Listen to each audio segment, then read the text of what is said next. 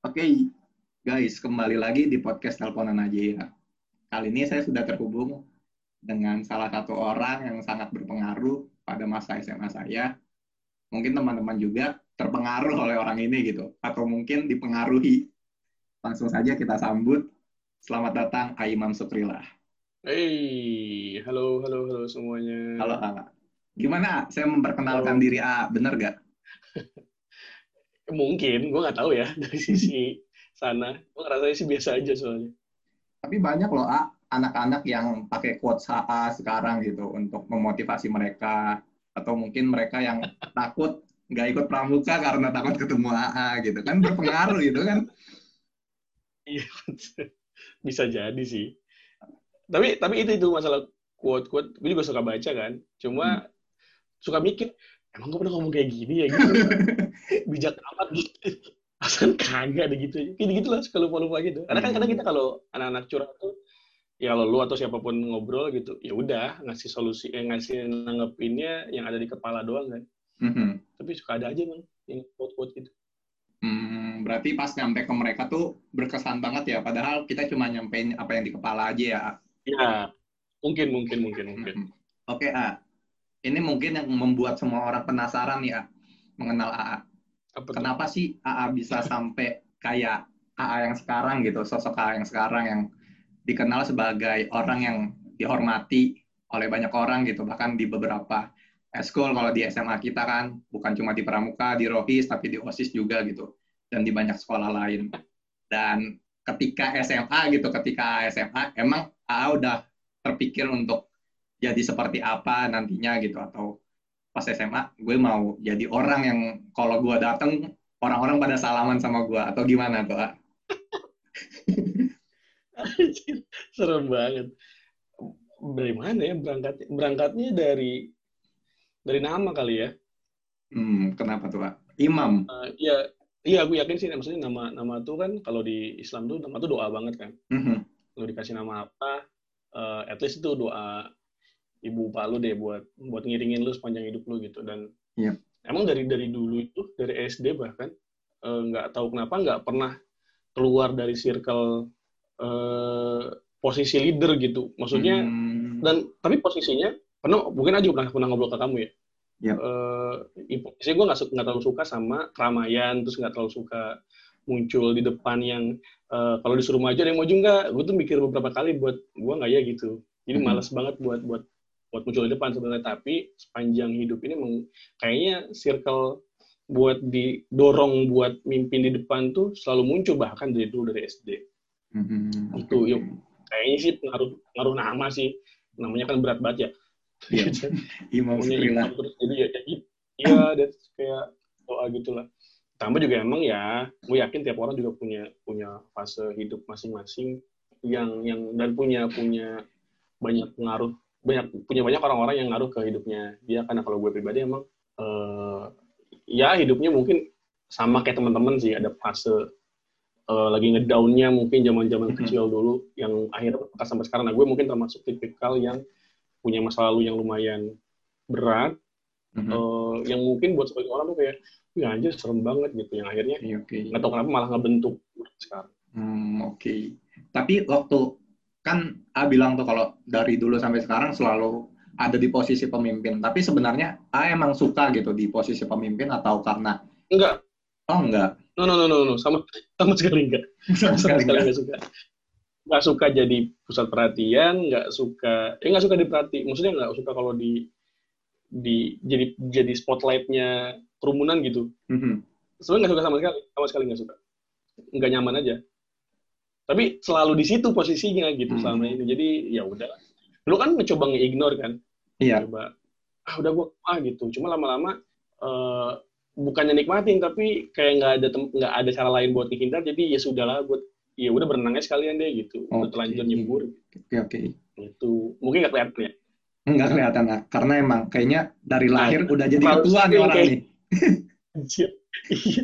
dan gue tuh enam tahun ya di SD jadi ketua kelas Nggak tergantikan ya. seriusan itu dia kan SD emang nggak ganti-ganti orangnya kan cuma maksud gue Iya sih. gue inget temen kalau gue reunian juga sampai Mhm. sekarang masih dipanggil ketua kelas gitu bang. Ya udah enam tahun emang dari kelas 1 sampai kelas 6 SD itu. Ya segitulah Hmm. segila itu. Itu apa sih ya faktor yang paling mempengaruhi kalau ah, pikir-pikir gitu? Waktu SD ya, waktu SD. Nah, nggak tahu kenapa gue, gue tipikal orang yang yang sampai sekarang gue syukurin banget. Gue tipikal orang yang gampang dan eh, punya kecenderungan gampang buat adaptasi sama lingkungan. Sama Oke. lingkungan tuh maksud gue sama teman baru, sama lingkungan di mana pun tempatnya, gue tuh gampang banget adaptasi. Nah ini Mhm. anehnya nggak cuma dari sikap, Yep. kadang-kadang dari dari badan juga eh, suka ngadaptasinya cepet banget. Kayak misalnya entah kenapa sampai sekarang gue itu tipikal orang yang eh, agak susah buat mabok di mobil perjalanan jauh. Kan orang-orang tuh kalau jalan jauh tuh maboknya ampun-ampunan kan. Iya betul. Dan dari kecil tuh gue udah nggak nggak terlalu walaupun itu mo- mobil ada isi Stella eh, lemon yang udah kisut gitu kan, Mhm. mobilnya udah ampun-ampunan tapi tetap bisa survive. Terus yang yang gue eh amaze lagi, gue tuh eh, orang-orang tuh kalau perjalanan jauh itu kendalanya itu suka di nahan pipis kan, Iya iya. nahan pipis atau nahan buang air atau pas naik gunung deh misalkan. Mhm. Nah, gue tipikal yang kalau lagi ada perjalanan atau ada event apa pun itu, itu seharian kan bisa nggak pipis. Wow. Dan am- maksudnya gue bukan nak, tapi emang nggak nggak pengen aja. Dan Hmm. pas pulang di rumah baru, oh habis-habisan deh. Nah Waduh. segitunya, maksud gue. ada modenya dari, ya. Ya nggak tahu kenapa badan gue kayak otomatis aja. Pikiran tuh ada- adaptasi, adaptasi terus badan tuh langsung ngikutin buat kan ada orang yang suka rese kan, Iya, iya. tiba-tiba mules, gitu, tiba-tiba Mhm. pengen pipis. Hal yang sampai segitunya beradaptasi. Gitu. Itu sih kayaknya Hmm. yang jadi faktor Tapi pernah nggak sih ya ada acara gitu sebulan terus baru pipisnya setelah sebulan berikutnya? dong bos ginjal dong terus Kirain ah, saking hebatnya sampai bisa nahan sebulan. gue ngeluarinnya lewat ini keringat kebetulan keringatnya bawa pesing anjir enggak Ternyata kuning ya. gila nggak segila itu Oh iya sip sip sip. Mm-mm. Kayak- kalau kayak Raimuna kayak event Raimuna tuh maksud gue perkemahan pramuka di kabupaten tuh kan eventnya bisa semingguan kan kalau kita panitia Mhm. nah itu emang emang bener kalau kalau pagi ke Juhur tuh atau pagi di momen-momen lagi crowded itu emang nggak pernah ngerasa lapar, pengen pipis atau pengen buang air besar. Tapi kalau udah mulai break sholat misalkan atau break makan itu baru berasa. Oke. Gitu. Jadi oke. jarang banget ngeganggu di tengah-tengah jalan. Hmm. Gitu. Memang sudah Bapak sudah niat bekerja ya sejak dulu ya. iya sih. Keras ya Bapak ya. Nggak tahu gue. Nggak tahu sih kayak kayak gitu apa ya. Dan emang kalau gue ngerasa dari sisi badan tadi terus dari sisi sikap juga eh, bukan di satu waktu bahkan di di every moment lah. Eh, ketika ketemu lingkungan baru, komunitas misalkan yang lagi sekarang gue tekunin atau di Pramuka, di Semun misalkan atau di eh, Rohis gitu. Eh, modal gue tuh itu karena emang gampang ngebaur aja. Gampang ngebaur tuh maksud gue kadang gue tuh suka ngamatin siapa lawan bicara, Mhm. terus nempatin diri buat ng- nggak dominan dulu gitu maksud dan otomatis Oke. aja nggak pengen ngedominasi pembicaraan terus coba nge-serve dia buat eh, misalkan nanya namanya kesibukan apa terus coba ketawa bareng ala-ala yang cringe gitu-gitulah Yap, yap, tapi yap. nyoba buat buat senyaman mungkin gue jadi wadah lu dulu nih gitu Oke. selalu kayak gitu posisinya Berarti bangun suasana dulu ya. That's, iya iya betul betul langsung otomatis pengen gitu gitu padahal Iya. kalau dipikir-pikir malas juga kan butuh energi lebih ya buat ngelakuin dan nggak semua orang seneng kan Yap. jadi wadahnya orang ngomong tuh. Nggak semua orang pandai mendengar, tapi semua orang mungkin bisa pandai berbicara ya.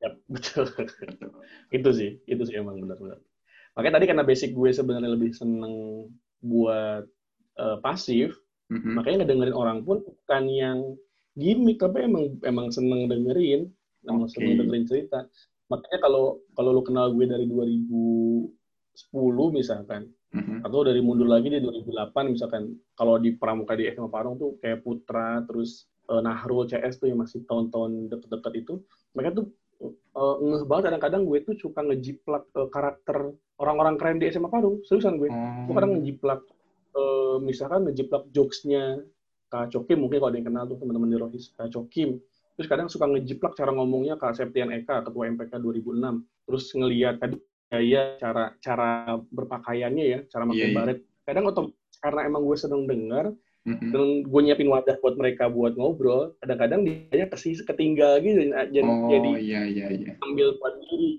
Kayak gitu-gitu. Makanya mereka suka kok joke lu sama kayak Aco Kim gitu atau cara nyampein nge lu sama kayak Aco Kim sih kalau presentasi kayak gitu-gitu Oke oke. karena emang nggak aja aja ke bawah Oh. gitu sih Kayak ada oleh-oleh gitu ya. ah betul oleh-oleh nampung eh, omongan orang gitu gitulah Yap, yap, yap, yap. Oke. Nah, mungkin dari kejadian-kejadian di hidup AA yang selalu menempatkan AA di posisi pemimpin gitu, dan kemampuan AA beradaptasi yang cukup baik, itu juga yang jadi alasan kenapa AA mau melanjutkan pramuka dari masa SMA sampai sekarang gitu, atau ada alasan lain? Kenapa mempertaruhkan masa muda di dunia pandu? sebenarnya justru nggak ada kaitan sama pramuka sama sekali Hmm, kenapa nggak ada kaitan. Mhm. Eh, mungkin yang, yang yang baru dengar yang atau yang baru kenal eh gue kuliah nggak reguler jadi pas pas 2010 itu gue ngambil kuliah yang cuma weekly cuman sabtu minggu sabtu minggu selama lima tahun tuh Iya. Eh, terus eh, sisanya emang hampir hampir 80% hidup gue itu di di SMA satu Parung selama lima tahun terakhir Wah, panjang kuliah. Oke. gila itulah gue bolak balik ke SMA Parung. Dan justru kalau orang ngeliat ih lu berdedikasi sekali dengan pramuka mungkin kalau sedikit orang sih yang tahu bahwa emang alasannya sebenarnya bukan itu. Bukan bukan karena pramukanya ya. Mhm.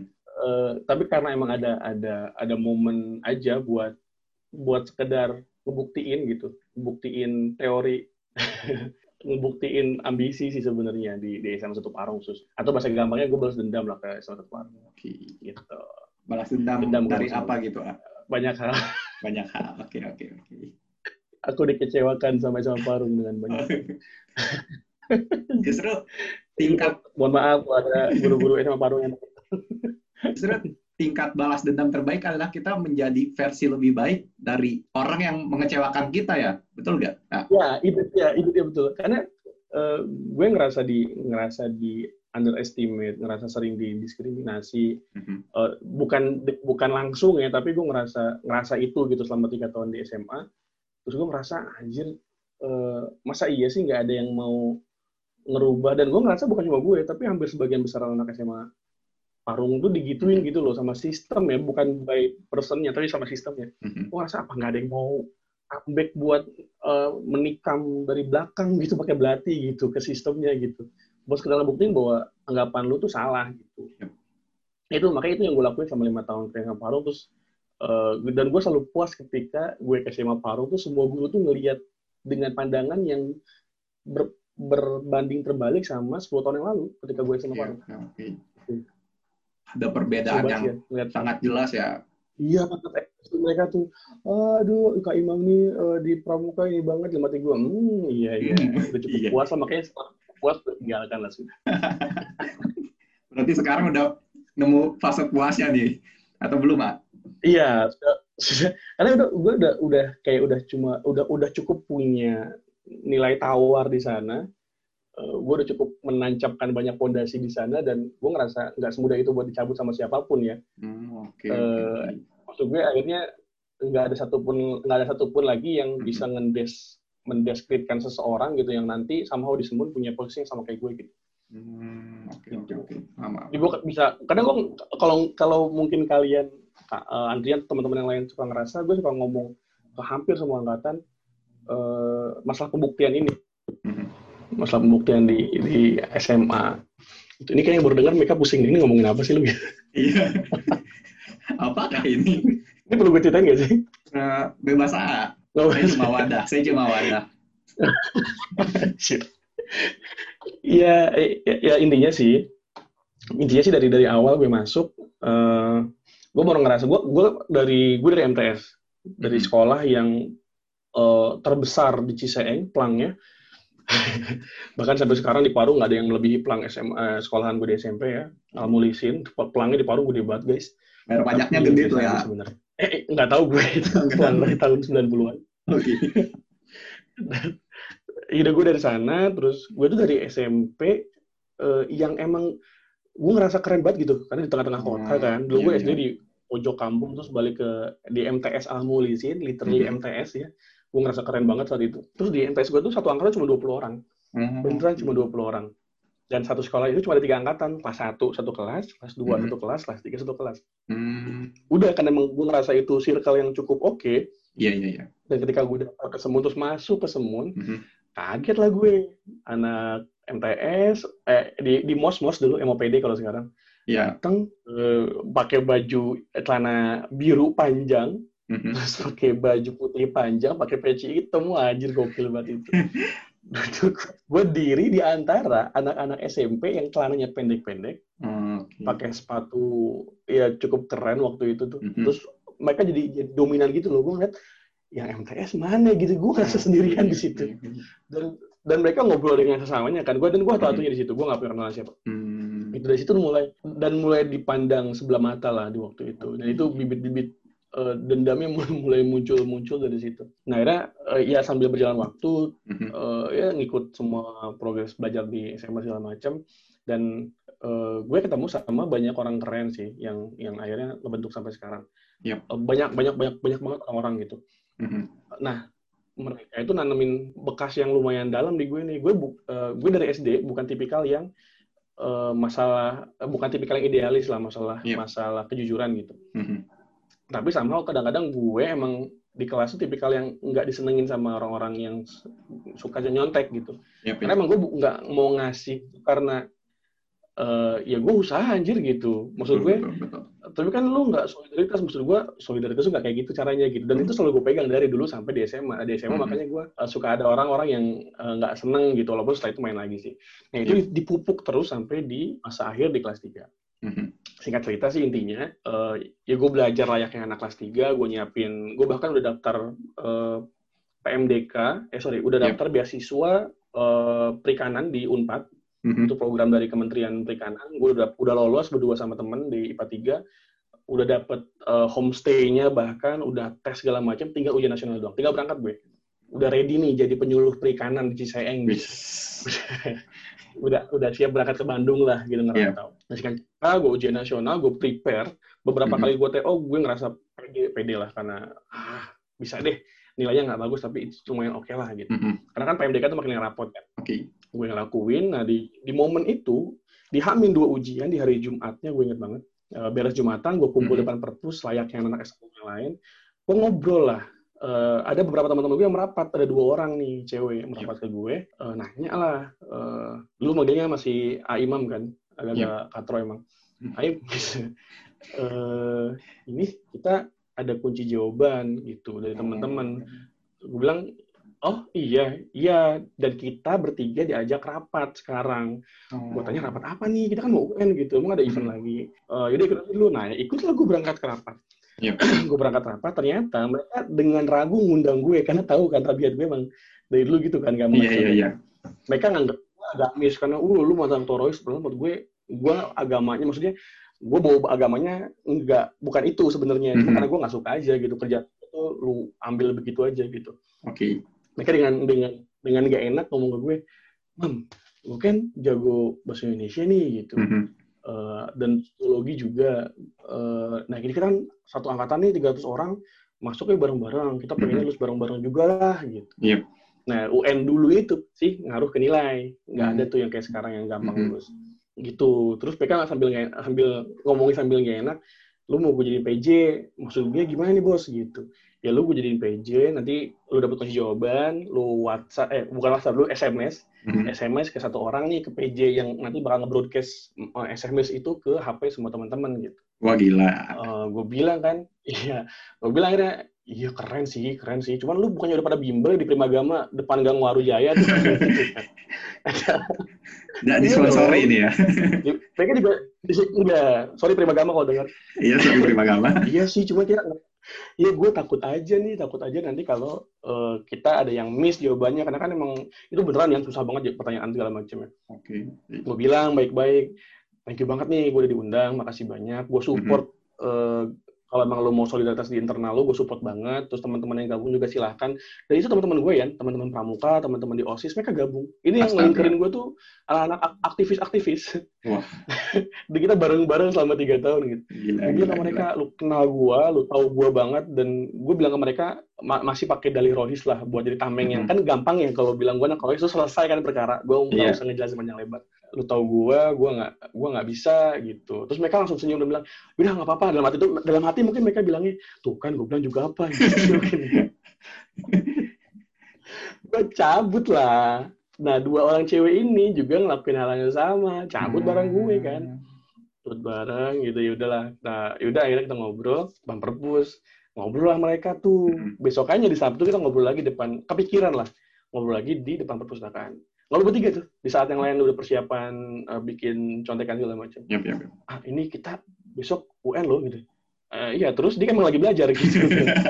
Uh, terus iya gitu kan. Masih gampang gitu loh. Terus yakin gak nih gitu? Ya gue sih yakin bro gitu. Ya lu gimana gitu? Yakin sih kan nilai kita juga nggak jelek-jelek amat ya. Iya makanya gue bilang. Terus mereka nanya yang satu orang nyetuk terus kalau kita nggak lulus gimana? Langsung diem gue Waduh. Ah, berat ya. Sih, iya gue berkepikiran, iya ya bisa nggak lulus ya. Gue mikirnya karena ini remedial kan. gue sering buat remedial, jadi ya udahlah. Oh emang nggak lulus ya? Iya juga sih. Terus akhirnya gue bilang, terus lu udah pada bilang ke ortu belum, ke orang tua gitu.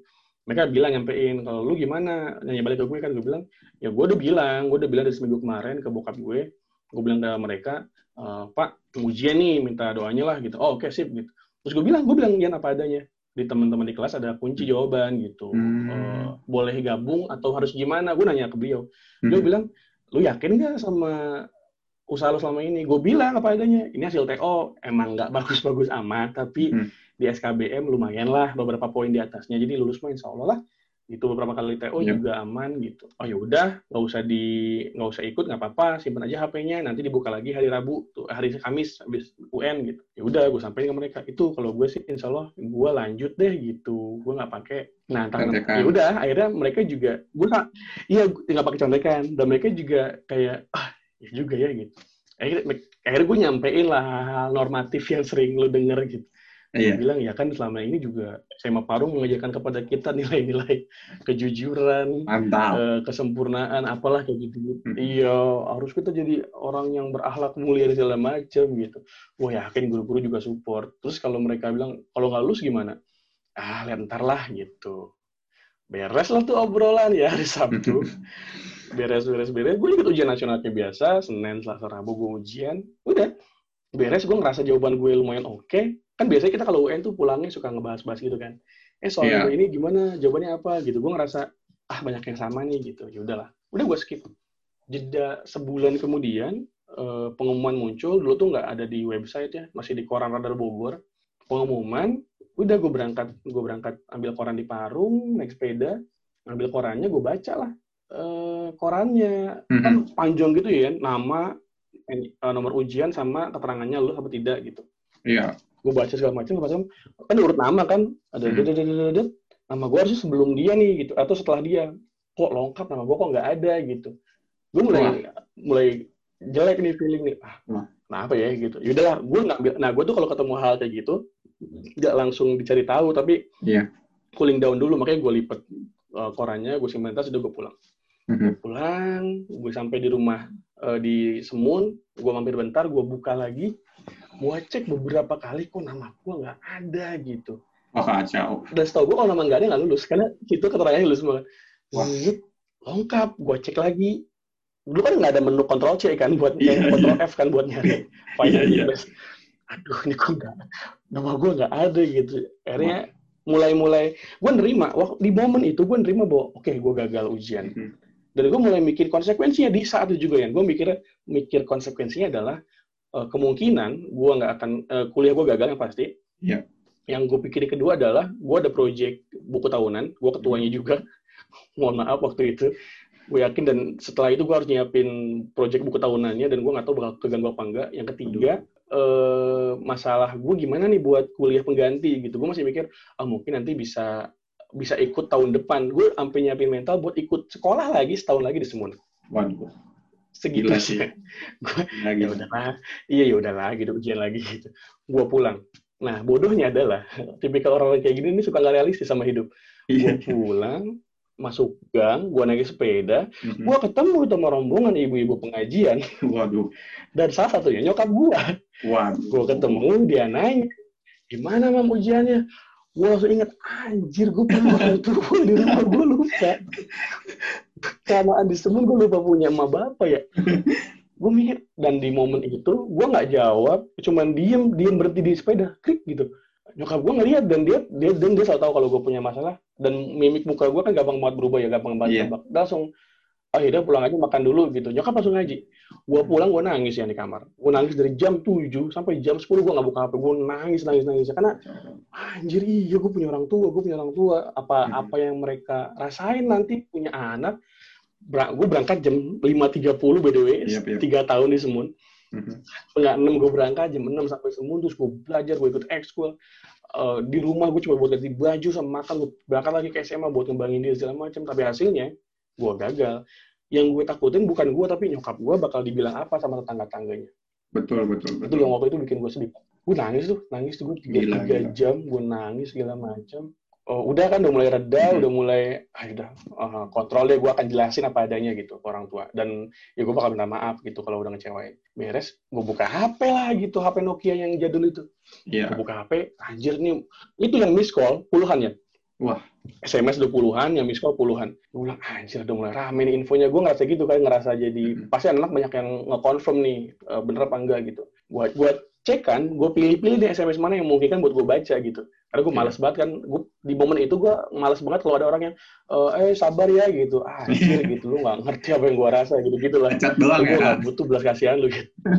Betul sekali. gue cari chat yang sekiranya masih masih relate sama gue. Gue Iya. inget ada dua teman gue nih gitu. Mhm. Gue cari lah chat dia, ah, ada chat juga gitu. Dia ngechat, eh, kalau nggak salah isi kayak, eh eh, ah titik, eh, dedet nggak lulus gitu. Dia nyebutin dirinya, pakai Mhm. namanya, nenek nggak lulus gitu. Titik, terus di di enter di bawahnya i- eh, si dididik juga. Nah, di momen itu, gue ngerasa, "Ah, anjir kita bertiga nggak lulus. Ini kita bertiga yang ngobrol depan perpustakaan, yang ngomong masalah kejujuran, kagak lulus ujian nasional Gila, di gila. momen itu juga itu dan lu tau gak ekspresi gue saat itu gue ketawa Jan itu eh, Yan Serius ah. gue ketawa sendiri di kamar seriusan? Ya anjir lucu banget itu gue ini kita ngapa bertiga jadi eh, gagal bareng-bareng gini gitu kan? Ya udah lah maksud gue ayo gue dan itu gue jadi bu- bukan jadi obat tapi gue mikir karena gue bukan mau ngelecehin ya tapi gue ngerasa eh, kalau gue yang gagal bisa jadi gue yang salah nih. Ya. Tapi kalau gue ngerasa ini terlalu kebetulan kalau ada tiga orang yang ngobrol depan perpus kita ngebahas masalah kejujuran terus kita bertiga gagal gitu. Maksud gue nggak masuk akal ini kalau kejadiannya kebetulan. Mhm. Gue ngerasa gitu, jadi gue ngerasa seneng gitu.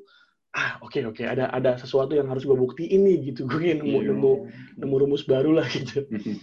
Oh ya udah, udah, udah gitu kan. Udah gue keluar, gue mandi semacam di rumah udah rame, udah rame sama Iya. keluarga. Tapi gue udah masang badan yang eh, ya udahlah gitu. Gua karena yang gue khawatir keluarga gue kan. Nah pas gue Mhm. ngobrol sampai sore itu keluarga besar gue ngumpul terus mereka ya, takut gue kenapa-napa dan yang gue respect banget sama keluarga gue adalah ketika gue ngobrol yang dijawab sama nyokap gue pertama adalah eh dia gue dia Umi ya. Oh, Umi Iya. bukan eh, aja gue sedih banget. nih. Umi bukan sedih kalau lu kasarnya gue eh, nggak peduli lu lulus atau enggak. Gue Mhm. cuma peduli eh, lu ngelaksanain tugas lo apa enggak.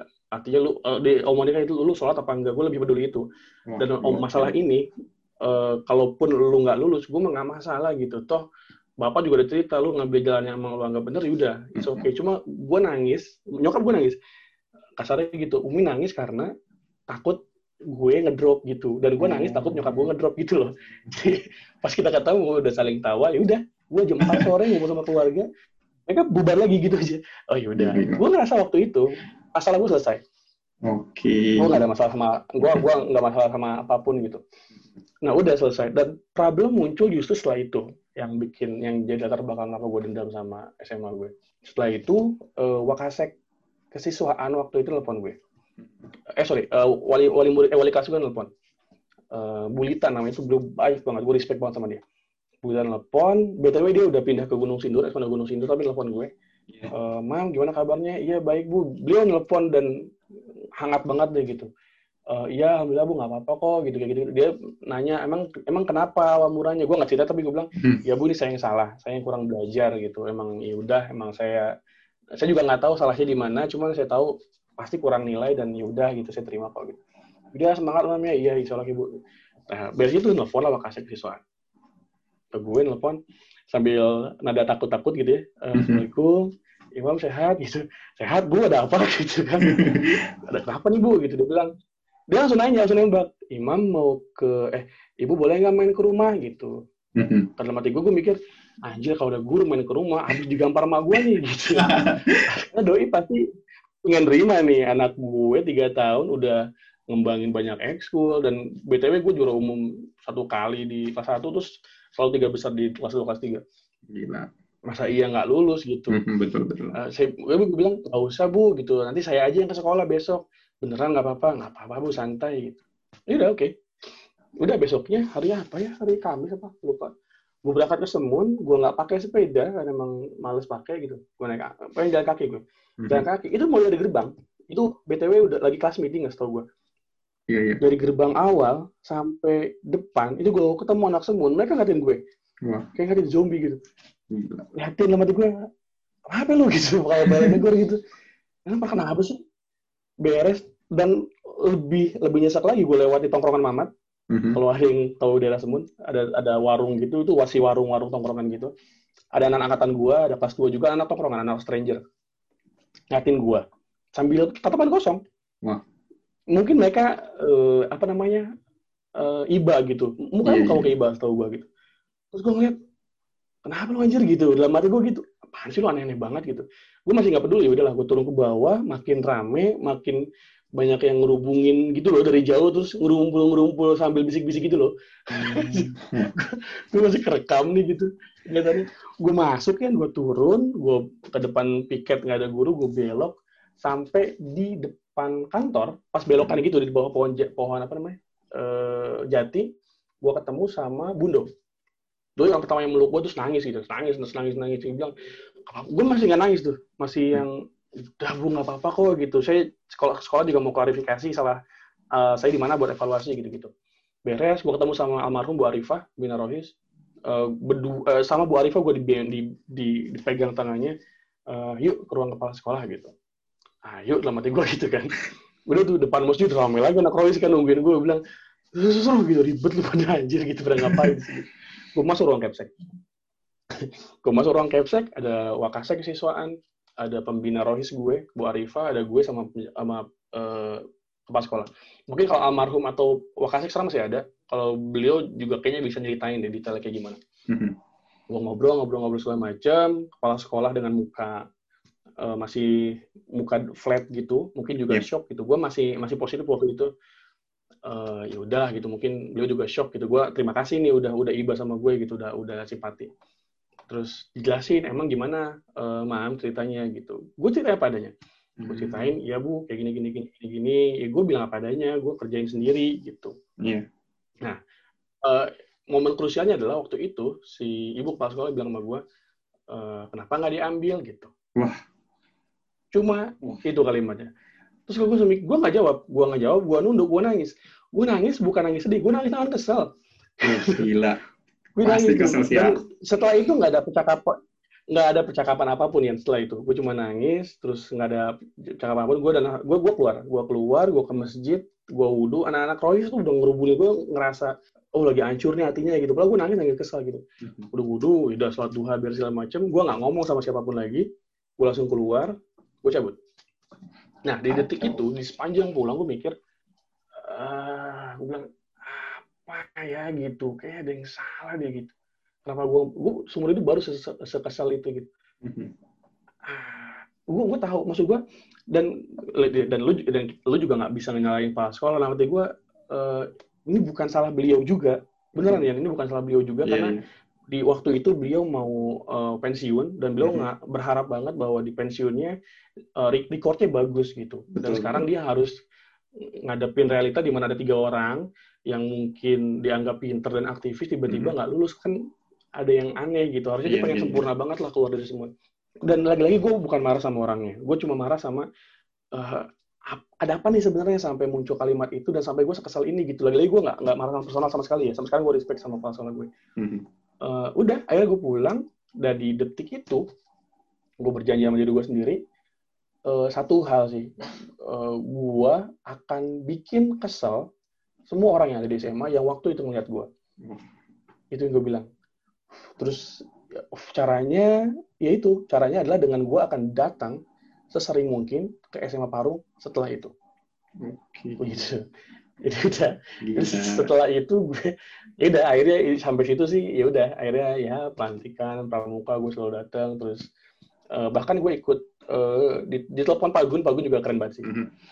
dia bilang mam ada jadi ternyata setiap tahun itu di, di jeda dua bulan setelahnya ada ujian paket C dia Yep. bilang mau ikut nggak gitu nanti yang dua orang ini juga ada confirm ikut ikut pak ikut pak gitu saya mau belajar lagi gitu Mhm. ikut gue ikut pakai C nilai udah keluar bagus juga di tahun berikutnya di bulan yang sama di bulan eh, Maret atau April gue lupa gue ikut Yep. ujian nasional bertiga pakai baju yang lama Mhm. di kelas itu di kelas yang sama Hmm, Di kelas yang ujian sama lagi juga. gitu ujian nasional bareng sama angkatan adik kelas gue dan, dan gue lulus jasa gue jadi empat sekarang dua paket C dua ijazah normal di SMA nah itu artinya gue apa ya gue cuma mau eh, garis bawahi bahwa eh, gue bukan gue bukan bukan yang yang keke banget sama kejujuran nggak juga sih kadang juga Yap, gue juga bohong kok gitu. Mhm. cuma gue mikir eh, kadang ada banyak orang yang ngerasa bahwa eh, gagal itu aib gitu. Gagal itu aib gagal itu hal yang memalukan gagal Mhm. itu hal yang menjijikan gitu. Gue ngerasa nggak gitu dong. Lu lu hidup ya gagal sama sukses itu kan dua hal yang jadi perjalanan lu dan Hmm. ketika lu bisa ngehargain sukses sehebat itu kenapa lu nggak bisa ngehargain orang yang gagal juga sehebat itu gitu Betul, betul. karena ya tadi nggak mungkin lurus lah dan akhirnya gue punya iya. pandangan ketika satu SMA lulus 100% ada yang salah sama SMA itu masa iya sih sepintar itu semua siswa gitu tanpa ada gradasinya gitu ya udah akhirnya gue buktikan lewat pramuka gue datang sesering mungkin dan Mhm. setiap datang asal lu tahu ya tiap datang ke SMA itu gue sakit berarti Wah. sakit itu Eh, tahun pertama tahun kedua tuh gue diliatin eh, sambil ini bukannya nggak lulus kemarin ya pandangan-pandangan kayak gitu tuh Iya, iya, iya. kayak nancep ya ke jantung dek Wah, Gitu, setiap gue udah datang dan Mhm. gue tuh nggak peduli gue duduk di bawah pohon jati gue nunggu anak pramuka lu gue pegang angkatan Malik kalau nggak salah Mhm. duduk bareng gue ngasih materi gue nggak peduli lagi udah akhirnya gue dari situ gue nyusun batu satu satu satu satu satu sampai sekarang Gila sih. itu sih latar belakang Gila, gila, gila. ya. Itu sebuah hal yang jarang banget orang tahu dari seorang Imam Sukrilah. Bener gak? ini bisa disensor aja nggak oh enggak Oh, habis dong kontennya Yang tadi dipotong semua ya. Iya. Oh enggak. Anjir, udah setengah jam dipotong. Ya gitulah ya. Itulah, ya tapi jangan dicontoh ya buat teman-teman. Tapi saya penasaran ya. Kalau yang Apa di, tuh, apa tuh? Kalau yang di pikiran saya ya saya gagal di ujian nasional gitu dan saya memutuskan Hmm. untuk punya ambisi untuk datang lagi ke sekolah sesering mungkin dan buat orang memandang saya dengan pandangan yang berbeda dari yang pandangan iba menjadi pandangan kagum gitu mungkin kalau buat saya itu adalah hal yang Hmm. berat gitu karena lima tahun bukan waktu yang sebentar dan di lima tahun itu pasti ah, bukan orang yang sudah kuat secara mental gitu secara banyak hal untuk memegang ambisi itu teguh gitu itu gimana sih A? A benar-benar teguh di ambisi itu gitu sampai menyelesaikan ambisi itu sampai sekarang Eh, ya secara realita dulu sih waktu di di momen itu gue juga nggak seteguh itu ya. hmm. Eh, apa ya? Jadi yang bikin gue tetap tetap yang kalimat gue baru muncul yang sekarang ini dulu tuh nggak pernah muncul. Gue cuma cuma ngikutin insting aja maksud gue ada yang salah dan gue mau mau cari alurnya gitu loh. Maksud gue gue mau ya udah nih salah nih. Terus gue pengen ngebuktiin. Dan gue bahkan nyiapin kemungkinan lain kalau kalau ternyata jalan yang gue ambil ini salah. Padahal waktu itu di- dua teman gue ini mereka kuliah di negeri ya mereka di kul- kuliah di tahun yang sama. Mereka gagal di bulan Maret pengumuman di bulan April Agustus mereka udah masuk kuliah di kampus bareng sama mereka yang gagal. Eh bareng mereka mereka lulus. Oh. di negeri lagi Gitu. tapi gue nggak ngelakuin itu. Gue nge-break dulu di Januari gue baru kuliah. Maksud gue eh, iya, tapi tetap orang boleh milih jalannya maksud gue. Mhm. ya, ini jalan gue kalau mereka ambil jalan itu juga nggak apa-apa. Dan gue Yap, yap. nggak maksa siapa pun buat ikutin jalan gue kan. Dan gue cuma ngerasa di momen yang sekarang di sekarang gue di posisi gue yang sekarang di umur 29 tahun gue ngerasa eh, cukup puas dengan pilihan gue di saat itu gitu. Walaupun ya mungkin dibanding angkatan yang lain apa yang gue lakuin mungkin dari sisi posisi gue yang 29 finance atau lu belum punya mobil atau apa dibanding yang lain mungkin gue jauh lah. Ada juga yang kerjanya udah gila-gilaan di Amerika atau segala macam. Tapi gue ngerasa dari sisi hati dari sisi batin gue ngerasa ah gitu. Plong tau gak sih lu? Plong aja gitu. sendiri ya? Ah gitu. That's it ya itu. Puasa itu lima tahun gue nggak pernah nyesel. Sampai sekarang gue gak pernah nyesel. Gue nggak jadi kuliah di Bandung gue gagal gue di cuma banyak orang. Terus nggak pernah nyesel gue gitu. Mhm. makanya uh, uh, dan dan gue tuh pengen capture ketidakmenyesalan gue itu ke Instagram gue kalau lu perhatiin deh. Gue sering banget ngeposting bukan tentang gue tentang kalian tentang lu tentang angkatan-angkatan sebelumnya gitu. Gue Mhm. capture dan yang yang gue cantumin di situ kalimatnya memang apa yang gue rasa gitu. Dan dan kalimat ini cuma buat ngegantiin bahwa gue bangga gitu. Iya, gue bangga sama eh, hasilnya gue bangga sama lu pada dan gue ganti kata bangganya dengan kalimat panjang lebar itu Gila sih ya, saya baru tahu loh cerita ini. ya ya emang buat nggak juga buat konsumsi publik sih Oke. tapi lagi-lagi teman-teman yang dengar maksud gue jangan jangan berpandangan aneh sama SMA gue ya SMA gue tetap keren pak Oke. gitu Tapi dari sekian banyak eskul mungkin yang AA ikuti gitu, ada OSIS, ROHIS, dan lain-lain. Kenapa memilih Pramuka sebagai tempat untuk membuktikan itu semua? A? Kenapa nggak milih ROHIS yang emang benar di jalan agama kan? Dan gampang juga untuk membuktikan Iya, betul, kalau betul. itu salah gitu yang gua yang teman-teman gue lakuin lima tahun lalu gitu. Itu gimana? Kenapa? Kenapa Eh, Pramuka? Sem- apa ya kayak siapa tuh ahli fisika Indonesia tuh kayak semesta mendukung lah di momen waktu itu ya bahkan mungkin kalau waktu itu yang ngedukung anak tongkrongan mungkin juga gue aja anak tongkrongan yang garis keras gitu ya. Abang-abangan ya. momen. Iya gue jadi tongkrongan oke dipercing gitu ke kuping gue atau nah gue di momen itu ketemu momen yang sama artinya di momen itu pramuka udah punya alumni yang solid banget menurut gue di posisi itu. Terus gue ngerasa emang gue ikut pramuka dari SD tapi gue ikut rohis baru momen itu itu juga dengan paskibra gitu juga dengan osis dengan MPK dan segala macamnya gue ngerasa lebih relate aja sih karena gue dari SD di pramuka. At least walaupun di di di waktu itu tentang kepramukaan gue jauh banget kan gue bodoh banget lah pokoknya. Masih level goblok lah gitu di waktu itu ya. Cuma tadi gue ngerasa relate aja sama pramuka gitu. Di ditambah ada banyak kejadian yang ngedukung gue buat gue terjun di sana.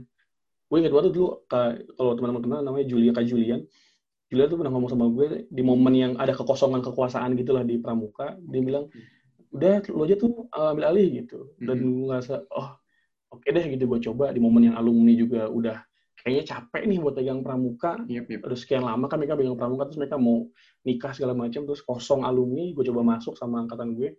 Dan ya udah alhamdulillah sampai sekarang udah bisa diterapin gitu. Gitu gitulah Karena ada momen yang mendukung juga ya, makanya memilih Pramuka Iya, iya, jadi betul. tempat membuktikan.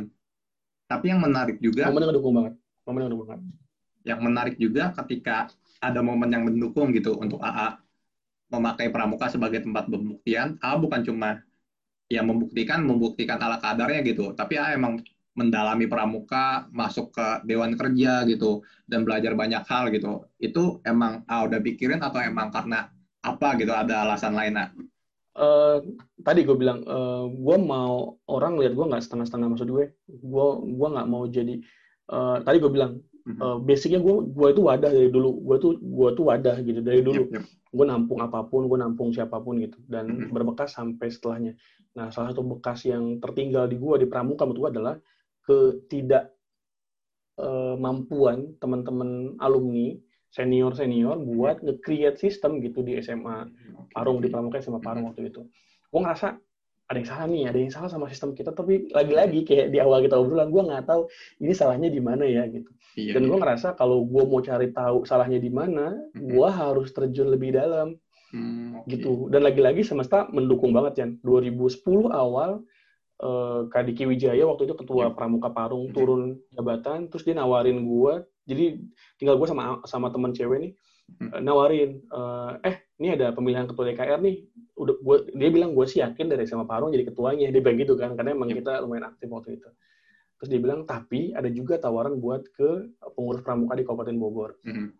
akhirnya kita berdua gambling nih eh, lu mau di mana kalau lu di sini yang satunya di sana ya gitu Iya. akhirnya gue bilang ya udah lu yang cewek lu di Parung deh lu kan kasihan nih nggak punya motor bolak balik ke Bogor kan jauh gitu ya. Iya. dalam artian gue akan mau tetap di Parung tapi gue mau di Bogor gue mau belajar banyak di sana. Gue mau nyari Oke. tahu apa yang salah sebenarnya gitu sama sistemnya.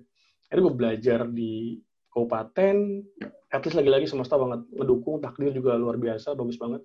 Gue masuk sana gue gue itu hari pertama gue di SK kan jadi pengurus itu hari Sabtu. Gue jadi anggota biasa ya receh-receh Mhm. gitu di minggu gue ikut seleksi sorenya dapat keputusan gue jadi wakil ketua dewan kerja cabang kabupaten Bogor Gila. pramuka kabupaten. Yang anggotanya dua belas ribu. Anjir kagak. Gila. Kata gue kenapa gue jadi wakil aja gitu. Um, gue sampai nanya sama yang nyeleksi nih si ketuanya nih. Namanya Katita orang Parung Panjang teh yang bener lah saya baru satu hari ini jadi eh, satu hari jadi dewan kerja ranting. Gue nggak tahu dewan kerja ranting itu apa. Terus gue masuk ke situ jadi wakil. Tahu nggak jawaban dia apa? Tenang deh pokoknya lu ikutin aja eh, alur gua. Dia bilang gitu. Dan gue Hmm. langsung langsung ah anjir seru nih. Lu ikutin alur gua gua tanya balik. Terus kalau kita nggak bisa gimana? Kita kabur aja. Gitu dia bilang. Ya udah gua approve lah setuju gua gua suka nih gua ngikutin. Kalau ada apa-apa kita kabur gitu. Gua seneng banget itu anjir. Sumpah. Buat kita kabur. berangkat lagi berangkat. Bahasa dia waktu itu ya mungkin. Cuma gue ngerasa anjir nih orang gokil. Cocok gue cocok gitu. Udahlah gue gue ngebuntutin dia. Gue di dua tahun gue di kabupaten waktu itu itu gue beneran jadi babu literally babu. Cuma yang at least gue itu punya pasukan 12.000 ribu di Kabupaten Bogor. Waktu itu ya 2010 kerjaan gue ngapain tuh nggak? Setiap ada kegiatan di kabupaten gue tuh masang bendera ngepel lantai nyiapin makan buat peserta gitu-gitu loh. Padahal gue wakil ketua. Gila. dan gue nikmatin aja nikmatin momen itu. Hmm. gitu karena gue ngerasa iya iya oke oke gue harus harus ngerasain semua peran gitu. Sebelum Mhm. gue akhirnya di muncul di banyak forum di banyak tempat gitu. Ya gue coba muncul dari bawah deh. Dan gue emang beneran jadi followersnya dia nih si ketua tadi tapi sekarang gue respect sama dia. Gokil tuh orang. Kacau. Gitu Baru. Satu hari langsung jadi ketua, wakil ketua ya. iya ini juga kata gue ini ada apa sebenarnya ini tapi ya udah ya seru lah kalau diinget-inget Gitu. memang- motor gue lagi masih Meg- PGR tau nggak sih motor gue PGR zaman dulu Belum tahu, belum tahu. nggak belum pernah lihat ya Belum pernah lihat. uh ini lo lo harus harus tahu ya. ini gue ceritain khusus nih ini honorable mention lah gue ke motor PGR gue jadi motor PGR gue ini saking kerennya Mhm. dua itu tidak punya spion. Wah, karena gue nggak beli. Guardian Guardian tujuh tujuh ribu kalau nggak salah. Nggak ada spion nih. Sedangkan gue ngantor di Pemda. Wah. terus eh, dia itu punya lampu sen sen Iya. belakang. Kalau gue klik ke kanan lampu sen di depan ke kanan tapi yang belakang ke kiri.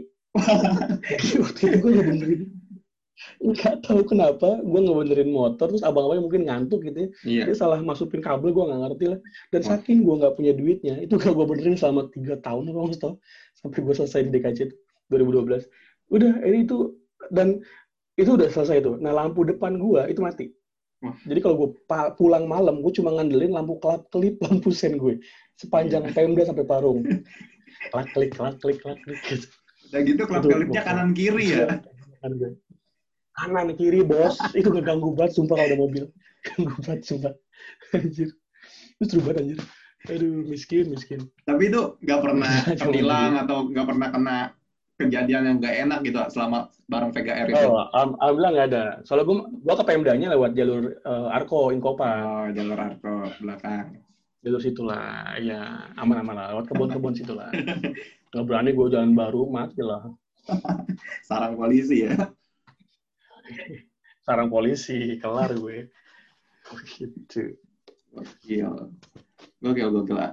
Dan saya Eh, kagum sih sama cerita balas dendam gitu karena balas dendam yang kali ini benar-benar beda kan untuk membuktikan untuk membalikan pandangan orang lain gitu. Dari iba menjadi kagum bukan cuma sering-sering datang dan membentuk orang menjadi lebih baik gitu tapi emang membentuk keseluruhan membentuk sistem yang sampai sekarang masih dipakai. Dan juga mungkin orang-orang di luar sana gitu sekolah-sekolah di luar sana anak-anak pramuka di luar sana juga meng, apa ya menduplikasi sistem yang A pakai bener gak atau A jadi role model lah bagi mereka gitu, bukan cuma di Seman satu Parung doang. Walah. Kejauhan lah kalau orang model. Cuma ya tadi emang ini buat buat yang dengar juga sih maksud gue tadi emang basically dendam tuh juga emang dendam tuh kan aslinya ya tetap walaupun kayak gimana pun bentuknya emang nggak bagus kan karena emang cuma buat ngebuktiin ambisi pribadi. Okay. Ya kalau bisa jangan pakai motivasi itulah gitu. Hmm, okay, Nah dan akhirnya dendam tadi menurut gue ke sini-sini di sedikit-sedikit kegerus. Kegerusnya adalah sama uh, hal faktor X yang gue nggak per yang nggak pernah gue bayangin waktu itu adalah uh, generasi yang muncul setelahnya. Gue kan di waktu itu cuma pengen buat gue pribadi kan. Gue cuma pengen yeah. orang-orang lihat gue lebih lebih respect lah gitu. Gue nggak pernah yeah. mikirin angkatan-angkatan yang muncul setelahnya setelah gue turun ke situ itu gue nggak pernah mikirin ya. Hmm. nggak tahu mereka akan jadi kayak apa. Makin ke sini muncul generasi-generasi menurut gue aneh ini anak aneh-aneh banget anjir gitu. Angkatannya uh, Putra Malik terus ke bawah-bawah sampai sekarang di situ. Dan setiap angkatan gue ngerasa ih ini seru banget ya gitu. Dan karena tadi karena basicnya gue wadah hmm. gue ngerasa jadi jadi seru banget ketika ada banyak orang ngasih air ke gue gitu. Okay. Uh, angkatan Malik sama sama kerennya mereka, terus angkatan si Bondan, angkatannya uh, Iwang dan lain sebagainya gitu, uh, Handi dan lain sebagainya. Mereka ngasih banyak feedback banget ke gue dan gue beruntung di posisi sekarang adalah karena ya karena lu pada, lu pada udah ngisi cangkirnya gue gitu. Dengan dengan dengan masalah lu pada, dengan uh, keberhasilan lu pada gitu. Akhirnya ya udah jadi jadi dendamnya maksud gue jadi jadi agak luntur setelah itu ya. Karena yeah. udah ngerasa cukup puas gitu. Akhirnya malah jadi ngerasa punya tanggung jawab lebih aja gitu buat mm-hmm. buat kembangin ini gitu. Uh, tanggung jawab ke pribadi maksud gue ya bukan ke siapa pun. Apalagi ke pramuka secara utuh gerakan pramuka sih yep, yep. gue nggak sebaik itu gitu. Itu cuman tadi kalau emang diduplikasi sama beberapa uh, mungkin iya mungkin iya. Karena emang beberapa sekolah juga uh, di sekitarnya kita Eh, banyak yang menggunakan standar standar pramukanya uh, kita. Bukan kita sih standar pramuka nasional yang diduplikasi ke SMA kita. Gitu sih. Dan yang memperkenalkan itu ya cuma AA kan? Ya ada lah beberapa. Ya di bina ilmu misalnya bina ilmu memang A yang pertama kali masuk. Cuma setelah itu uh, recordnya gitu di, dikasih warna banyak orang lah nggak cuma puas A doang. Ada Malik di situ ada uh, Amel ada Andi ada Mubni di generasi awal terus di bawahnya juga ada banyak Melda segala macam yang ngasih warna. Terus di SMA di warna juga sama ada Kak Andy yang ngasih warna uh, kayak gitu gitulah jadi maksud gua uh, ya ngasih banyak lah banyak yang ngasih warna di situ. Nggak cuma gue oke. Okay. nah selain pramuka nih dan dunianya kalau kita lihat di Instagram seorang Imam Sukri lah gitu, selain warna coklat diwarnai dengan berbagai macam warna yang lain, warna kuning, warna ungu hmm. gitu, dan itu baju-baju panitia dari kegiatan relawan. Nah, apakah apakah karena pramuka itu kegiatannya kegiatan sosial gitu, kegiatannya turun ke lapangan, turun ke orang-orang yang membutuhkan gitu. Jadi A mau juga turun di kegiatan relawan atau emang ada alasan lain A untuk yang kegiatan relawan ini? Uh, apa ya? Uh, pernah gini gak sih? Lu pernah ngerasa udah pernah ketemu momen ini gak? Momen di mana ketika lu ada di satu tempat yang lu ngerasa nggak bisa ngapa-ngapain lagi gitu. Oke, okay. udah, udah semuanya gitu ya. Muka that's it maksud gue di pramuka itu kan maksud gue capaian ambisi seorang anggota pramuka nih anggota mudanya itu kan di Garuda ya. terus ambisi seorang pramuka setelahnya adalah menurut gue adalah uh, uh, ilmu ilmu pengetahuan lah dan segala macam mm-hmm. yang berikutnya yang sampingnya sampingnya adalah ya dikenal banyak orang ikut event bukan anak pramuka ini gue yakin ambisinya adalah ikut event nasional, ya kan? Ikut event, ikut event internasional segala macam, terus mm -hmm. bisa komunikasi dengan pengurus tingkat kabupaten bahkan sampai tingkat nasional. Yep. Nah, gua di momen 2016 17 itu gua ngerasa udah hampir udah ngelakuin itu semua ya gua ngerasa uh, jadi aneh gitu loh. Hmm. Gue udah jadi pramuka Pandega Garuda. Uh, hmm. Buat info, gue nggak jadi penegak Garuda karena gue nggak mau milih itu asik. Asik. Receh ya. Lagi-lagi gue tadi itu loh apa? Enggak bukan, gue nggak mau bikin record yang terlalu bagus itu loh ya, okay. beban gitu loh. Iya iya. iya. Satu level aja lah, Pandega Garuda aja lah gitu. Gue di Pandega Garuda gue ambil, gue jadi pernah jadi wakil ketua DKC dan perlu tahu wakil ketua DKC itu adalah uh, karena ketuanya Putri, wakilnya adalah gue cowok putra. Nah si Putri ini mau, uh, mau meng, mengomandani putri-putri pramuka yang ada di Bogor dan gue mengomandani semua cowok-cowok pramuka di Bogor. Bayangin segitu gede kuasanya. Gila. Terus udah di DKL juga ya sudahlah gitu udah mm -hmm. udah selesai. Terus gue juga ngincar kegiatan nasional juga udah aman. Yep. Uh, eh, gue kenal sama teman-teman di kabupaten daerah bahkan sempat bikin recok di nasional gitu. uh, ya udah cukup menyenangkan lah. Ya udah akhirnya di 2016, 17, 18 tuh ngerasa habis deh kayaknya gitu loh. Udah kayak di kita di uh, di last chapter gitu loh. Iya. Apa lagi ya gitu. Kayak main GTA udah tamat ya. Nah akhirnya ya udah terus tamat lu baca kredit scene doang kan bete ya gitu. Cuma keliling-keliling doang. Di, di 2017 ngebom mobil gitu kan. Nah, 2018 gue ketemu lah sama 17 18 gue lupa. Uh, ada kegiatan uh, rela bakti sosial lah gue ngelihatnya. Kita kan kenalnya baksos ya. Yep. Dari dompet dua volunteer terus gue coba uh, apply ke situ terus diterima hmm. terus gue anehnya ini kok kegiatan sosial berbayar gitu kan gue bisa pramuka gratisan ya yeah, yeah. ini kok berbayar udahlah gue coba ikutin gitu gue berbayar terus dan anehnya gue yep. ngerasa udah jadi dewa terakhir di Parung nih hmm. ngerasa cukup punya power di Bogor gitu ya ya udahlah udah cuma sampai sekarang pun kalau kasarnya gue nelfon siapa pun di Bogor kayaknya masih ada deh gitu ya cakar-cakarannya mah gitu ya. Cakar-cakar pengaruh kekuasaannya masih ada nih. Gitu bekas-bekas cuman dulu. Nah gue ngerasa sedewa itu ketika tiba-tiba gue berangkat masuk ke dunia relawan di situ gue ngerasa nol lagi. Nol nolnya gue kayak gue dulu masuk semun gila. Di dunia itu di dunia relawan. Gue masuk sih itu gue kaget kaget kagetnya anjir ini ada kegiatan yang kayak gini ya gitu. Yep. Amazed banget gue dan udah gue wah ini keren keren keren keren hmm. gue coba masukin tuh cuma nggak diniatin cuma flow aja gue coba masukin terus di event kedua gue jadi kepanitiaan tebak gue jadi apa gue di Bogor itu nggak mungkin hmm. kalau nggak jadi koordinator ketua pelaksana koordinator atau minimal yang baca sambutan lah gitu hmm. orang-orang penting lah ya kerelawanan jabatan pertama gue adalah betul di di, di sana di apa kerelawanan di event kedua gue gue apply jadi panitia gue ngerasa gue keren banget gue mhm. punya punya keren banget lah punya kemampuan bagus gitu.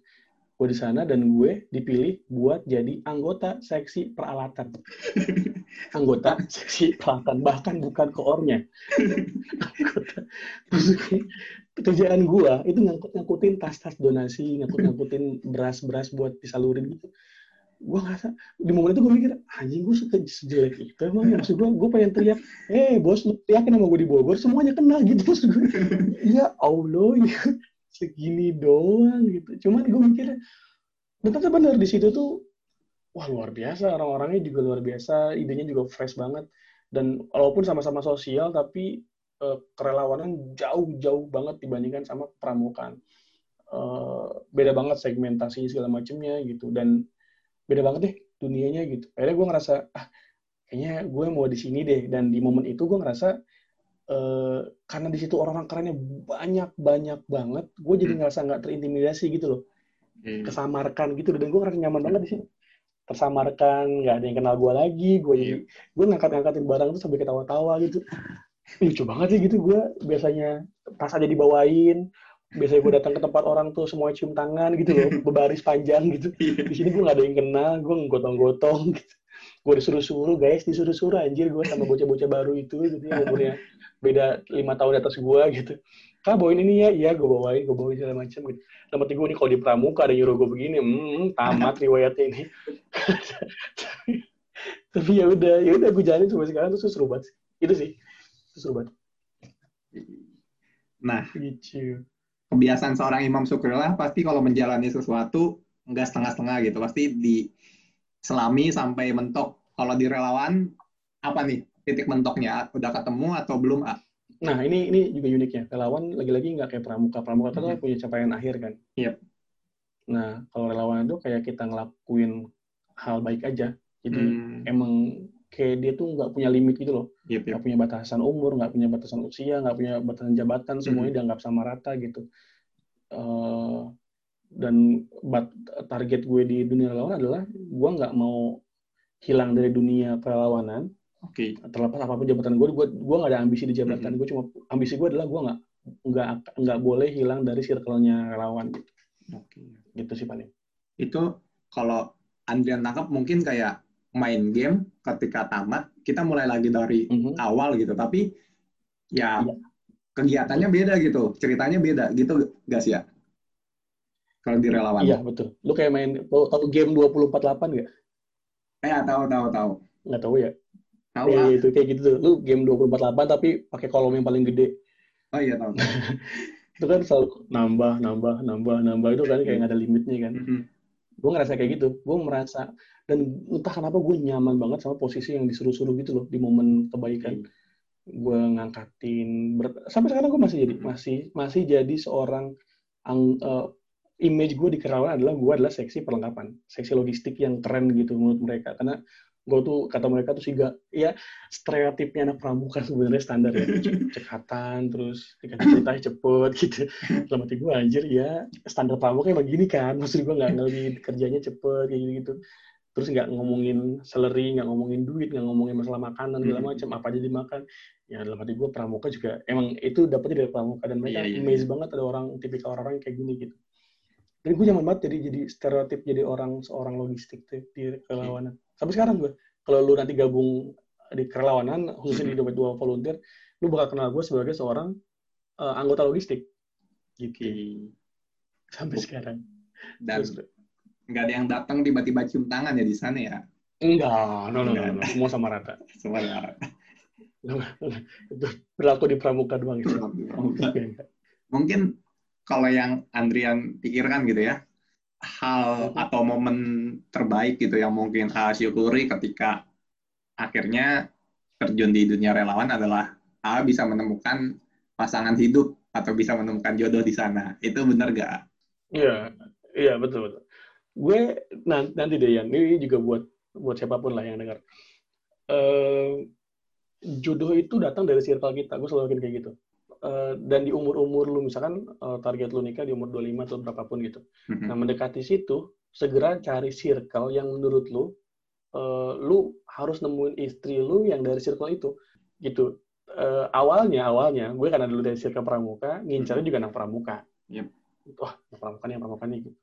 Uh, buat di masa depan. Cuman gue ngerasa uh, gue sudah terlalu tahu banyak di pramuka, jadi sudah tidak terlalu berminat ya guys. jadi gue pindah haluan lah ke relawan. Gue ngerasa relawan tuh uh, semua orang nggak punya niat ini loh ya maksud gue nggak ada nggak ada strata mereka tuh yang gajinya berapapun mereka duduk bareng terus okay. mereka tuh gampang banget ngapresiasi kerjaan orang gitu loh maksud gue iya aja keren banget nih gitu lucu banget nih kerja kerja kayak gini gitu Nah, akhirnya gue juga berniat di momen itu, di awal gue masuk-masuk relawanan, uh, gue harus bertahan di sini deh gitu. Mudah-mudahan yeah. istri dapat istri juga dari circle yang sama. Karena gue mikir kalau gue dapat istri dari circle yang sama di dunia kerelawanan, uh, minimal dia punya cara pandang seorang relawan gitu yang yang gak ribet gitu loh. Karena yeah. kalau gue mikir nanti gue nyarinya di dunia perbankan misalkan ya, kan ribet ya bukan bidang gue nih. Yeah, iya. Agak yeah. susah nih ngurus ngarahinnya nih. Gitu makanya ya tadi gue juga nggak nggak nggak rencana kapan-kapan terus buat nikah terus kayak gimana ya jodoh datang aja gitu. Alhamdulillahnya diarahin cepet banget. Dan datangnya pada rulonya atas takdir Allahnya ya udah datangnya dari relawan juga. Itu juga luar biasa. Itu hadiah terbesar gue sih di masuk ke dunia relawan. Aneh banget hidup gue ya Allah. Unik ah bukan aneh. Oh, oke oke. Tapi gitu, ya. Imam pernah ngebayangin gak sih ya kalau misalnya dulu gue nggak gagal gitu di UN entah itu caranya mungkin belajar dengan baik gitu atau ngambil contekan mm -hmm. akan jadi apa sih gue sekarang gitu pernah berpikir kayak gitu gak sih ya sering jadi apa nah, ini rahasia lain lagi nih nah tadi gue, gue tipikal yang seneng banget menghayal apa pun yep, yep. Eh, memprediksi bukan prediksi ya mem, mem, membayangkan kemungkinan-kemungkinan yang bakal terjadi di masa yang akan datang. Yep. Maksud tadi kalau misalkan gue kemungkinannya nih misal, misalkan uh, kita berandai aja misalkan gue lolos misalkan di momen itu, at least gue di momen yang sama di bulan berikutnya gue akan berangkat ke Bandung, gue akan jadi orang sana dan gue sih yakin gue juga akan akan tetap sukses dengan Hmm. caranya gue dengan gue seorang perantauan di Bandung seorang mahasiswa gitu cuma gue setelah itu jadi apa gue nggak kebayang sih jadi, jadi penyuluh ikan lele mungkin ya sejenis itulah Jadi lele terbesar.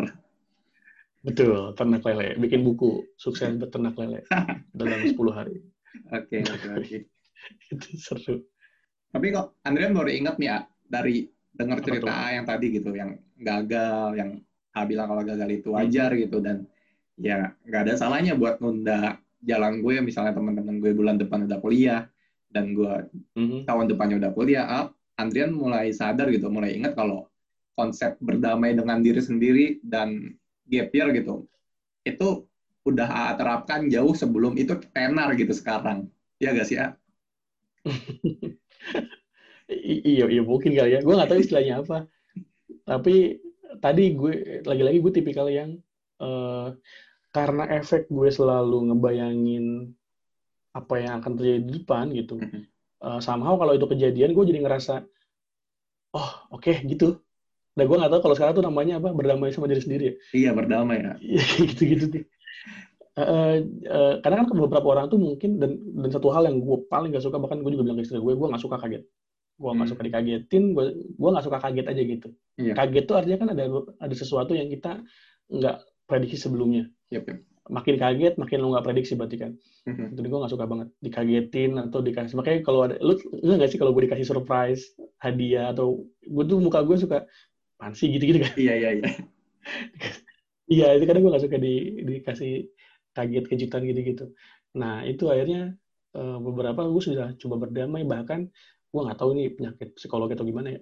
Gue bahkan sudah memprediksi, andai, andai gue meninggal hari ini misalkan. Mhm. Eh, apa yang terjadi dengan eh, kerjaan gue, apa yang terjadi dengan keluarga gue, dengan ibu gue, istri gue, anak-anak pramuka gue di pramuka di salah satu parung gitu, apa yang akan mereka lakukan setelah itu gitu. Gini-gitu loh. Gue sampai bahkan sampai sejauh itu. Visioner banget ya. Gitu, aneh ya ya bukan gitu lah enggak sih Enggak. Eh, apa nih sih kalau orang-orang tuh apa sih kalau orang suka kepikiran malam-malam tuh kalau anak anak zaman sekarang nyebut Overthinking. overthinking Overthinking. mungkin gitu ya Mungkin itu. iya iya gitulah tapi bagusnya adalah tadi gue eh, jadi kalau kejadian jadi yang oh oke it's okay gitu Oke. Nah, mungkin kalau kita dengar ya dari gagahnya seorang Imam Sukrillah di dunia pramuka gitu, yang emang jadi orang yang dihormati di mana-mana oleh adik-adiknya, terus Eh, serunya kegiatan relawan gitu sampai menemukan jodoh. Nah, ketika mhm. seorang Imam Sukrillah udah melewati dua fase itu gitu, justru ini memilih untuk menjadi guru di mana yang orang lain lihat guru adalah kegiatan yang ya datang ngajar ketemu anak-anak gitu. Apakah emang itu Mhm. cita-cita AA untuk menjadi guru ataukah ada hal lain A? Atau pandangan Andrian salah nih soal menjadi guru gitu? Eh, mau jawaban normatif atau yang sebenarnya wajib kalau yang kalau yang normatif sih karena eh, gue gue di, dari keluarga guru Hmm. Eh, bokap guru, terus nyokap Mhm. guru ngaji di rumah, terus kakak ipar pertama gue kepala sekolah, kakak ipar kedua gue guru TIK, kakak ipar ketiga eh ustadz gitulah di Mhm. Bintaro, guru ngaji gitu. Eh, terus yang keempat sekdes, agak jauh lah, ya mungkin ngajar warga juga gue nggak tahu. Iya. Tapi at least ya gue lahir dari keluarga guru sih. Cuma hmm, yang bikin gue pengen tadi karena karena karena gue ngerasa nagih ngurus pramuka di SMA Parung Yap. di momen itu ya Hmm. gue ngerasa eh, oh ini kan kalau di pramuka itu sebenarnya ya ngedidik ngedidik ngajar ngelatih ngebina gitu Iya. di dunia itu nah akhirnya gue milih memutuskan untuk kuliah di eh, PGSD di UT Oke.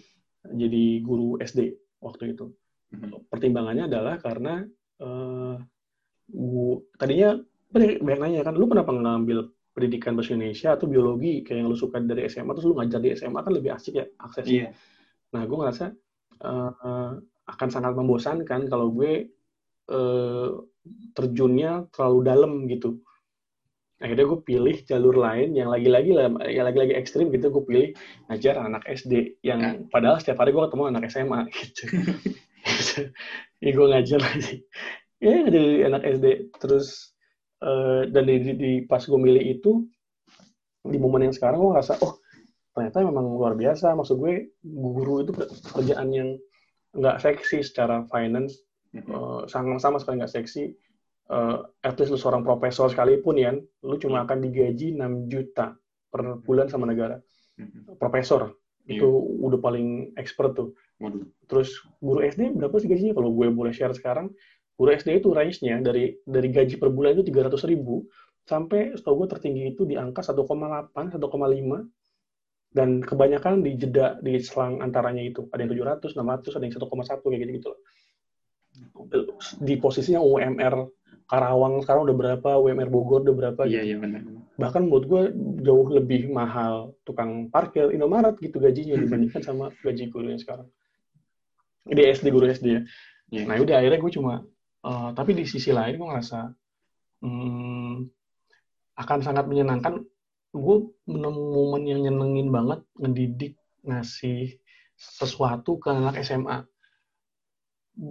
bayangin itu anak SMA itu bibit udah jadi lu tuh yang ketika di SMA udah jadi kan mm-hmm. udah jadi dan gue cuma ngasih warna tambahan aja bayangin gimana kalau kita ngewarnainya dari pondasi. Dari awal kali mereka nggak kenal apa pun mereka nggak kenal huruf mereka nggak kenal angka mereka nggak kenal dunia kayak apa terus tiba-tiba lu masuk di situ lu kasih uh, pondasi yang kuat lu warnain dengan warna yang cantik gitu.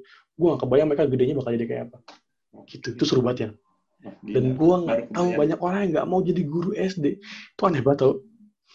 Aneh banget ya maksud gue uh, karena sampai sekarang dibanding guru SD SMP SMA gue masih lebih ingat guru-guru SD gue dan gue yakin semua orang ingat siapa yang ngajar baca dia pertama kali dan yeah, asal yeah. lo tahu anak SD itu gampang banget inget ngingetnya celakanya ngingetnya bukan nginget secara kisah tapi nginget di alam bawah sadar oh, okay. gitu dan setahu gue banyak orang-orang yang nggak suka matematika itu karena traumatik sama gurunya. Sama cara ngajar gurunya hmm. bukan karena matematikanya okay, bukan karena biologinya bukan karena hmm. hafalan PPKN-nya tapi karena traumatik hmm. treatment guru ke siswanya akhirnya membekas sampai sekarang hmm. uh, eh, gue ngebayangin wah bakal sedosa itu tuh kalau salah ngajar tapi coba kita balikin gimana kalau kita ngajarnya keren mereka senang yeah. matematika terus mereka pas yeah. udah gede di alam bawah sadar senang matematika itu keren banget ya Oh iya. Keren banget. Dan lagi-lagi dan dan lagi-lagi nanti orang-orang yang berjasa itu itu nggak akan diingat sama anak-anak ini ketika mereka mm-hmm. dewasa mereka akan lupa yang ngajarin ini siapa.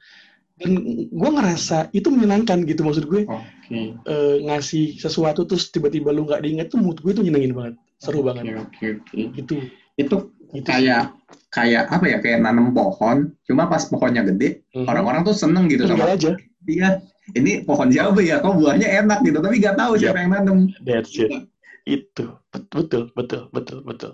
Dan dan lu akan sangat menyelamatkan menurutku ribuan generasi lu bayangin gue ngajar di kelas itu semua guru bahkan itu di angka 20 sampai 50 anak per kelas. Per kelas. Dan itu setiap tahun nih ya kalau lu ngajar bisa 10 30 tahun bayangin itu ada 30 kali 50 aja atau kali 40 aja. Kalau gue ngajar sekarang udah 10 tahun, berarti 10 kali 20 aja. Ada 200 anak-anak yang udah kita kasih warna. Dan mereka, walaupun mereka nggak tahu siapa yang ngasih warna itu, tapi gue ngerasa puas banget aja. Segitu banyaknya orang yang bisa diselamatin gitu. Gitu, makanya gue agak aneh kalau ada anak-anak SMA yang nggak mau jadi guru SD itu. Sayang banget. Gila. Gaji kecil sih emang. tapi kan ah, banyak sampingan ya ya tentu saja. Tentu karena gue seneng sama sini terus karena duitnya kecil ya bos. Cuma gaji gue dulu dua ratus tiga puluh ribu guys sebulan. Aja kecil banget. Akhirnya saya nyambi ya lumayan lah. Sambilannya juga ekstrim. Oke oke. Oke. Kalau dari Andrian udah sih ya, karena durasi juga dan semua fase kehidupan yang Andrian bikin gitu untuk Aimam gitu yang Andrian bayangkan untuk Aimam, Andrian pikirkan untuk Aimam udah kita bahas di sini gitu. Mungkin dari A ada yang mau ditambahkan atau ingin disampaikan? Hmm, ya lagi-lagi apa ya gue nggak ngerasa hidup gue seistimewa itu sih maksud gue uh, ya sama kalau emang bisa menginspirasi alhamdulillah tapi uh, gue berharap siapa pun yang ngedenger ini uh, uh, kisah kejadian uh, nama tempat dan segala macamnya itu nggak ada hubungannya sama sekali. Mohon jangan dijustifikasi bahwa mereka salah atau benar gitu ya. Ya ini cuma kisah hidup gue dan ya ke, siapa pun nggak nggak nggak berhak buat menjas kejadian itu. Jadi ini sih ini kok jadi salah nih atau gue jadi nggak suka nih sama Esra Parung misalkan. Nggak sama sekali. Ini cuma bagian dari hidup gue aja gitu di momen gue di sisi lain gue yakin uh, SM1 Parung misalnya itu udah ngasih banyak hal keren lah buat anak, yeah. muridnya gitu. Mm-hmm. Jadi ya saran gue buat semuanya ikutin kata hati lu, terus coba jadi yang beda aja gitu, biar uh, bukan buat orang lain tapi buat lu bisa dapat gitu jalan yang lu mau ambil tuh seseru apa. Dan percaya deh kalau lu ngambil jalan-jalan yang nggak biasa dalam koridor kebaikan ya. Jalan yang nggak biasa terus lu bakal punya cerita yang seru banget buat diceritain bukan dengan orang lain tapi yeah. buat cerita ke diri lu ke cermin diri lu di sama lu tidur bareng istri lu bakal nginget-nginget lagi momen-momen di mana ah keren gitu eh seru banget sih dulu gitu. Tapi sama-sama diri sendiri bukan buat dipublish sama siapa pun. Itu keren banget itu seru banget okay. itu terus belajar oke okay, terima kasih banyak kak Imam mungkin ini juga harapan Sama-sama. dari semua orang ya ketika memang kita tahu Betul. gitu Kak Imam adalah seorang guru seorang skut entusias dan relawan harapan semua orang adalah menambah satu gelar Imam menjadi seorang ayah gitu dan kita bisa melihat kegiatan. Amin, amin, amin. Wah itu seru banget sih peran baru men, seru banget, seru banget dan siap, siap, siap. Eh doain doain juga doain juga ya. Ini istri lagi empat bulan soalnya, Insya Allah. Semoga lancar selalu dan sehat selalu. Ah. Amin. Amin. Sukses buat kalian semua. Dan sebentar lagi kita akan melihat kalau status atau story dari seorang Imam Sukrio bukan di pramuka, di relawan, tapi lagi gendong anak. Iya. Dan lu harus ini kayaknya bentar lagi gue mau ngapus-ngapusin foto nge-arsip foto-foto gue deh. Kita ganti dengan lembaran yang baru. Udah gak ada coklat-coklat ya. Gak ada. Ini murni tentang daripada gue gue udah hampir ratusan orang ratusan anak gue didik sekarang waktunya buat pembuktian minimal gue udah udah latihan ngedidik ratusan anak sekarang waktunya pembuktian gue bisa ngedidik anak gue sendiri gitu doakan ya guys oke okay. oke okay. Terima kasih A. Saya Andrian Karisma. Thank you, thank you, thank you, thank you.